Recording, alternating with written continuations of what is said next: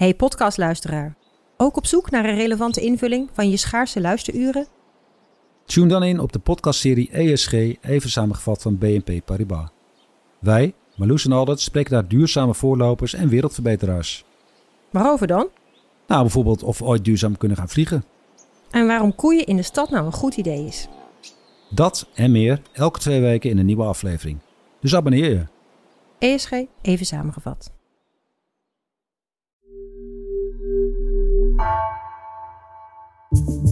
Vanaf de redactie van NRC het verhaal van vandaag. Mijn naam is Gabriella Ader.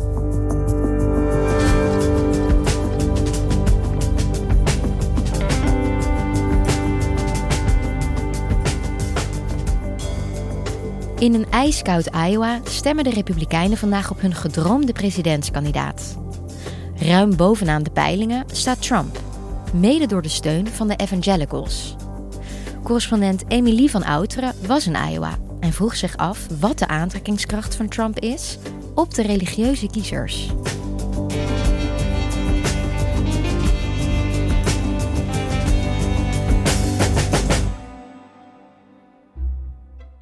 Ik ben de afgelopen dagen in Iowa geweest. Een staat in het midwesten van eh, de Verenigde Staten. Waar de Republikeinen zich voorbereiden op hun voorverkiezingen. En waar het echt ijskoud was. Ik loop op straat in uh, Des Moines, dat is de hoofdstad van Iowa. En uh, de wereld is hier helemaal wit. Het heeft uh, dagen gesneeuwd en het begint ook nu weer te sneeuwen. Dus het is niet zo druk op straat.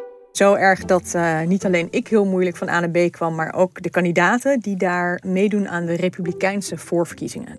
Just days before the first Republican primary contest, Florida Governor Ron DeSantis trudging through winter weather. The frontrunner, former President Trump, canceling all but one of his events this weekend. Former South Carolina Governor Nikki Haley canceling all of her events in person Friday, holding telephone town halls and doing interviews instead. In november kiest Amerika een nieuwe president. En de Republikeinen moeten nog bepalen wie hun kandidaat is. En Donald Trump, de oud-president, doet weer mee. En je ziet overal dat hij echt op eenzame hoogte in de peilingen staat. Zeker 50% van de Republikeinse kiezers wil hem terug als president. En ik was in Iowa omdat het de eerste voorverkiezingen zijn. Maar ook omdat ik heel nieuwsgierig was naar hoe de evangelicals, een grote orthodox-protestante groep hier, van plan is te gaan stemmen in deze voorverkiezingen. Zij waren wel voor Trump in 2016 tegenover Hillary Clinton. Wat ja, logisch is, conservatief, republikeinen. Maar ze stemden niet voor hem in de voorverkiezingen. Omdat het natuurlijk toch iemand is die aan zijn derde vrouw is. En niet bepaald een uh, modelchristen is in zijn uh, levensstijl en taalgebruik. Maar toch oefent hij enorme aantrekkingskracht uit op de evangelical stemmers, merkte ik.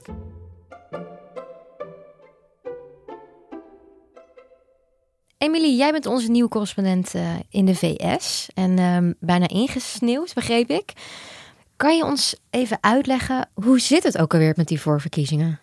Ja, nou elke vier jaar kiezen Amerikanen hun president. En dat gaat eigenlijk natuurlijk altijd tussen de Republikeinen en de Democraten. En die bepalen in de zogeheten primaries wie hun kandidaat wordt. Dus wie wordt, zoals bij ons ook partijen zijn die hun lijsttrekker laten kiezen door leden, uh, kiezen Amerikanen in voorverkiezingen hun presidentskandidaat. Bij de Democraten ligt dat eigenlijk vast. Als Biden november haalt, dan is hij uh, de presidentskandidaat opnieuw. Bij de Republikeinen is dat nog niet helemaal zeker. En in de meeste staten, uh, daar gaat het gewoon via de stembus. Je, je, net als bij een gewone verkiezing ga je op een dinsdag naar de stembus en uh, laat je weten wie jouw kandidaat is. In Iowa gaat het er anders aan toe. Daar hebben ze een zogeheten caucus. Dat is echt ja, een, een buurtvergaderingen per district. Waar burgers samenkomen om in gesprek te gaan over hun kandidaten en vervolgens hoofdelijk te stemmen. Dat gebeurt deze maandagavond, 7 uur s avonds lokale tijd. De temperatuur wordt ongeveer min 25 graden Celsius.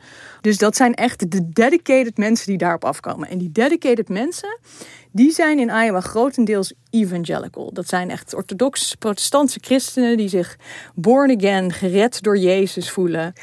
En ook heel streng zijn zeg maar, op beleid rond met name abortus, euthanasie of de manier waarop het openbaar onderwijs is ingericht. Mensen die dus veel stemmen op ethische thema's, maar die zich in 2016 en in 2020, en zo lijkt het nu opnieuw, toch niet achter de meest ethische kandidaat scharen. Ja, je legt wel uit, Emily. Het is, het is de eerste staat, maar het is ook niet de grootste. En volgens mij ook niet met de meeste kiesmannen. Waarom vind jij het dan toch zo interessant wat daar gebeurt?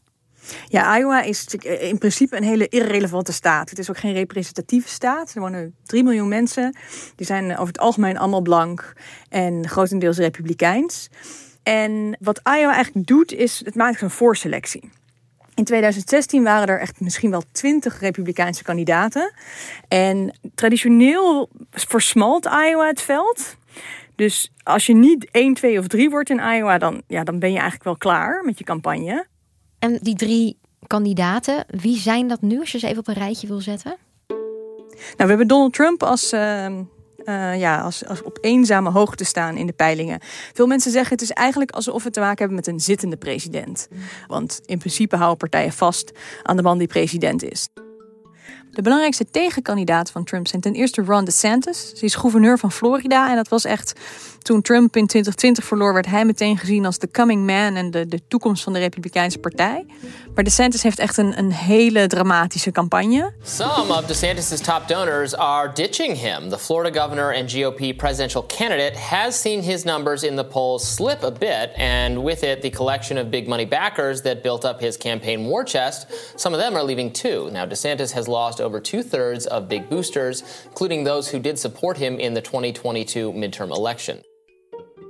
En, en Nikki Haley, die eh, is gouverneur geweest in South Carolina en was Trumps ambassadeur bij de Verenigde Naties. En dat is wel echt een opvallende kandidaat, want je ziet dat zich toch wel langzaam achter haar de, Never Trump-republikeinen scharen.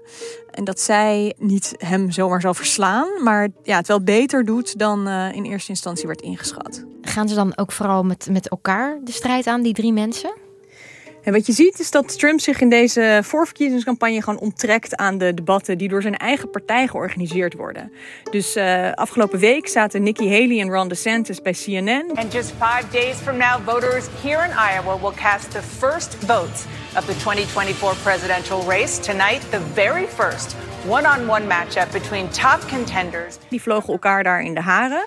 If leadership's about getting things done, how did you blow through 150 million dollars in your campaign and you were down in the polls? So here, you here's are I think not a manager. Very no, instructive. now I'm going to say. I think it's very instructive no, about what he's Nick, how Nikki this- Haley sees the world. I- She I think I have the floor. Political, Governor, she's saying Governor somehow DeSantis, that that's it's not Governor important. Haley's. It's Haley, It's Governor Haley's time. Go ahead. I think I hit a nerve. En tegelijkertijd had Trump een heel podium voor zichzelf bij Fox in een zogeheten town hall. I think there will be a crash if I don't win. It would have never happened in Ukraine. Russia would have never gone in. Would have never happened. The recent attack on Israel would have never happened. Trump denkt zich te kunnen permitteren om dus niet aan, dat, aan die debatten mee te doen. Om zich niet in te laten met zijn republikeinse tegenstanders. En ik ging vooral naar Iowa om te ontdekken waarom is hij nou zo populair? Ja, mijn vraag is dan natuurlijk: heb je daar een verklaring voor kunnen vinden? Wat ik interessant vind is dat, je, dat we in ieder geval het idee hebben, voor zover, we dat, voor zover dat onderzocht is, dat evangelicals erg als een blok stemmen. Eigenlijk sinds de, de moral majority beweging, met name tegen Bill Clinton, dat je heel erg ziet dat zij als een soort blok stemmen voor kandidaten die christelijk genoeg zijn. En met Trump hebben ze dat gewoon helemaal laten varen. Trump heeft zijn campagne in Iowa ook echt heel erg op die evangelicals gericht. Dus ze hebben uh, een lijst samengesteld met 300 religieuze leiders die hem zouden steunen. En naar die mensen ben ik op zoek gegaan. De meeste daarvan wilden niet praten, maar een aantal, uh, ja, daar was ik gewoon welkom in hun kerk. En daar ben ik gaan kijken in hoeverre zij ook in hun preek vertellen over hoe geweldig Trump is. En in hoeverre hun kerkgangers ook op de oud-president willen stemmen of daar hele andere ideeën over hebben.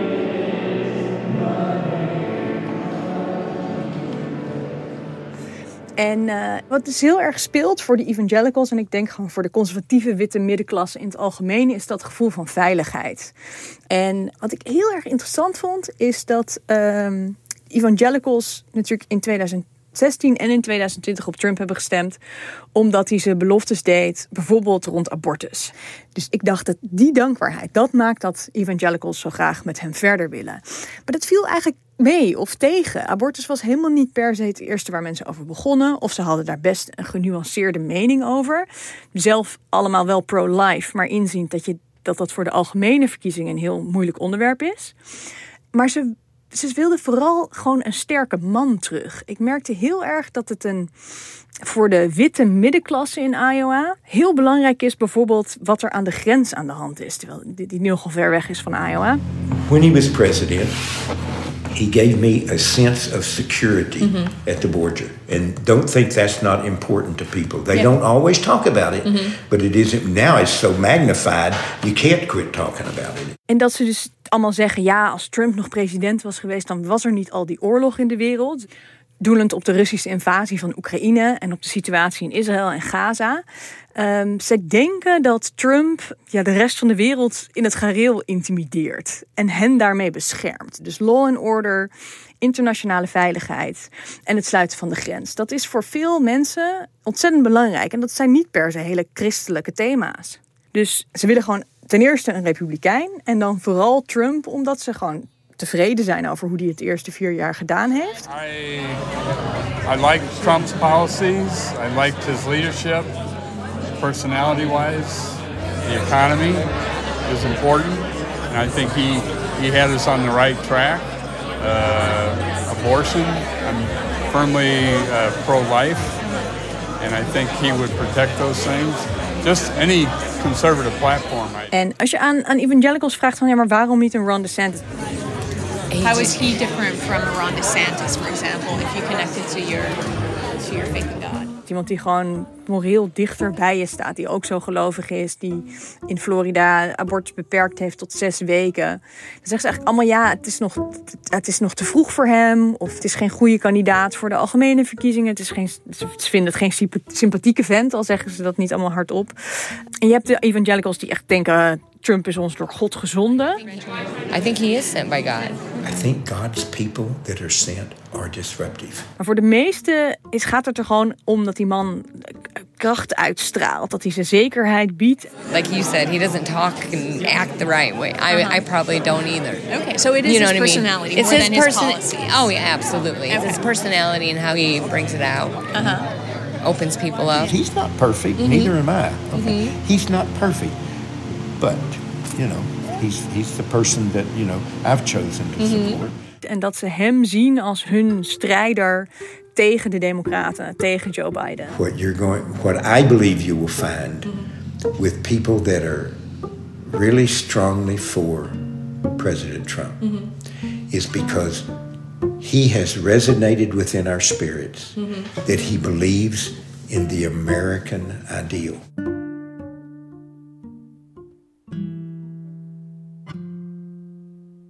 En als we uitgaan hè, van deze peilingen, dan zou Trump deze caucus winnen.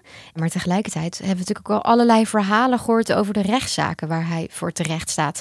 Dus ik vraag me af, kan hij überhaupt wel de nieuwe presidentskandidaat worden? Ja, dat kan. Zelfs vanuit de gevangenis zou hij president kunnen worden. En het staat Amerikanen voorlopig vrij om op hem te stemmen. Er zijn een aantal staten die hem van het stembiljet willen afhalen. Dat is iets waar de Supreme Court binnenkort, het Hoge Rechtshof binnenkort, zich over buigt.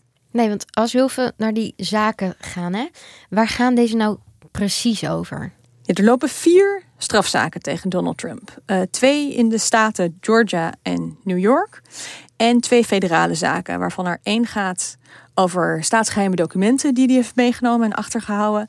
En één gaat over 6 januari. En dat, is, eh, ja, dat was de climax van Trumps ontkenning van de verkiezingsuitslag van 2020. Was dat hij zijn aanhangers opriep om naar Washington te komen. En die hebben vervolgens het kapitool bestormd. Er zijn vijf doden bijgevallen. Trump ontkent dat dat zijn schuld is dat hij daartoe heeft opgeroepen. Maar de zaak gaat eigenlijk vooral over hoe hij wist dat de verkiezingen gewoon naar behoren waren verlopen, maar toch bleef liegen over de uitslag. En die zaken die lopen allemaal dwars door die voorverkiezingen heen. Dus, dus afgelopen week zat Trump bijvoorbeeld bij de rechter om uh, ervoor te pleiten dat hij als president immuun was en dus nergens voor vervolgd kan worden. I feel that as a president, you have to have immunity. Very simple. In the crowded courtroom, Trump sat in the front row, next to his lawyer, who argue the former president and all presidents should be immune from prosecution over conduct while in office. En hij was bij de rechter in New York in een civiele zaak die ook nog loopt tegen hem. Trump and his associates, including his two adult sons, are being sued for $370 million for inflating the value of their properties to secure better loans and insurance rates. But it's a shame to have to have gone through this for years and years and years. And now we'll see if we're going to get an honest verdict. Volgens veel mensen, tegenstanders van Trump, is de enige reden dat hij nog een keer meedoet om zichzelf uit de gevangenis te houden. En zichzelf met een pardon aan alle federale vervolging te onttrekken. En vervolgens wraak te nemen op degene die geprobeerd hebben om hem te veroordelen. Maar ik, uh, ik verwacht niet dat we een uitspraak hebben dat we weten waar Trump precies schuldig aan is. In, in een van deze zaken voor de verkiezingen. Maar het zal wel de hele campagne domineren. Ja, want eerder zei je ook al iets, Emily, over dat er ook wel sprake van kan zijn dat Trump geweerd gaat worden in andere staten. Hoe zit het daar dan precies mee? Ja, wat, uh, wat de evangelicals die ik in Iowa sprak en ook andere Trump-aanhangers natuurlijk echt als een complot zien, is dat er nu staten zijn, uh, Colorado en Maine, die proberen Trump van de verkiezingen te weerhouden, van het stembiljet te schrappen. Ze zeggen hij heeft uh, meegedaan aan een insurrection en dat maakt hem ongeschikt voor het ambt van president. Er is een grondwetsartikel waarin staat dat iemand die heeft meegedaan of geholpen aan een insurrection, dat hij ongeschikt is voor welk ambt dan ook. Ja, dat gaat natuurlijk vrij ver. Ook democraten zeggen wel, ja, laat, laat de kiezer maar beslissen. Maar de eerste die daarover gaan beslissen zijn de negen rechters van het Hoge Rechtshof. Want die zullen bepalen of Colorado en Maine de grondwet hier goed interpreteren. Uh, en hem dus mogen weren. Uh, ik, ik, verwacht dat absoluut niet uh, juridische experts hier in de VS zeggen dat het, het Hoge Rechtshof nog even los van het feit dat daar zes conservatieve rechters in zitten, waarvan drie door Trump zelf benoemd. Dat het toch onwaarschijnlijk is dat die zo ver zullen gaan dat ze een presidentskandidaat zullen weren van de verkiezingen. En je zei net al dat Trump vooral vanuit de rechtszaal zijn campagne voert. Maar ja, hoe kan je dan campagne voeren? Ja, Trump eh, heeft natuurlijk twee dingen die zijn politieke carrière tekenen. Het, het ene is dat hij altijd slachtoffer is. Hij is slachtoffer van de deep state uh, en de elite en iedereen is tegen hem. Nou, daar zijn deze rechtszaken natuurlijk een, een uitstekend voorbeeld van. En het andere is mediacircus. Van de reality TV van The Apprentice hebben we nu de reality TV van The Defendant. En waar Trump zich dus in de rechtszaal, maar ook vooral buiten de rechtszaal verdedigt, verzet tegen deze vervolging en op die manier heel veel aandacht naar zichzelf toetrekt. En wat ik heel illustratief vond in het spreken met die evangelicals in uh, Iowa, is dat ze ook niet geloven dat Trump de verkiezing van 2020 heeft verloren. Dus als ik bijvoorbeeld vraag aan iemand van, uh, vind je dat dan niet risico dat hij de vorige verkiezingen heeft verloren en dan misschien, misschien nu weer verliest. En zeggen mensen, hij heeft de vorige verkiezingen niet verloren. Het is natuurlijk heel lastig interview als iemands realiteit zo anders is dan de, dan de werkelijkheid. Als, als mensen echt niet geloven dat Biden rechtmatig hun president is. En dus ook ja, niet geloven dat uh, Trump een verliezer is. En misschien daarmee een hele ongeschikte kandidaat al voordat hij vervolgd werd. We zien die peilingen, landelijk doet Trump het heel erg goed en ook in Iowa, maar zo'n caucus is wel onvoorspelbaar. Uh, Iowa is nu de eerste voorverkiezing, volgende week New Hampshire en al in maart Super Tuesday. En het kan gewoon dat het heel snel klaar is bij de Republikeinen, dat Trump hun kandidaat is en dat we dan uh, de algemene campagne ingaan. Maar als Trump elke keer voor de rechter staat en, en zijn campagne daar voert, dan gaat het dus helemaal niet over Oekraïne of Israël of het begrotingstekort of de grens. Dan gaat het niet over abortus of thema's die evangelicals of andere kiezers belangrijk vinden. Dan gaat het alleen maar over Donald Trump. En dat is natuurlijk wel echt. Ja, in de soap van Amerikaanse politiek zou dat wel echt een nieuw, uh, een nieuw dieptepunt zijn, denk ik. Dat presidentsverkiezingen alleen maar over de persoon gaan en niet over wat er allemaal anders zou moeten en kunnen in dit land.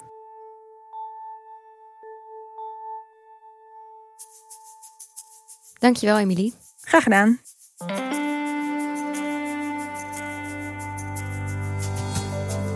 Je luisterde naar vandaag, een podcast van NRC. Eén verhaal, elke dag. Deze aflevering werd gemaakt door Iris Verhulsdonk, Mila Marie Bleeksma en Ruben Pest. Coördinatie Henk Ruigrok van de Werven. Dit was vandaag, morgen weer.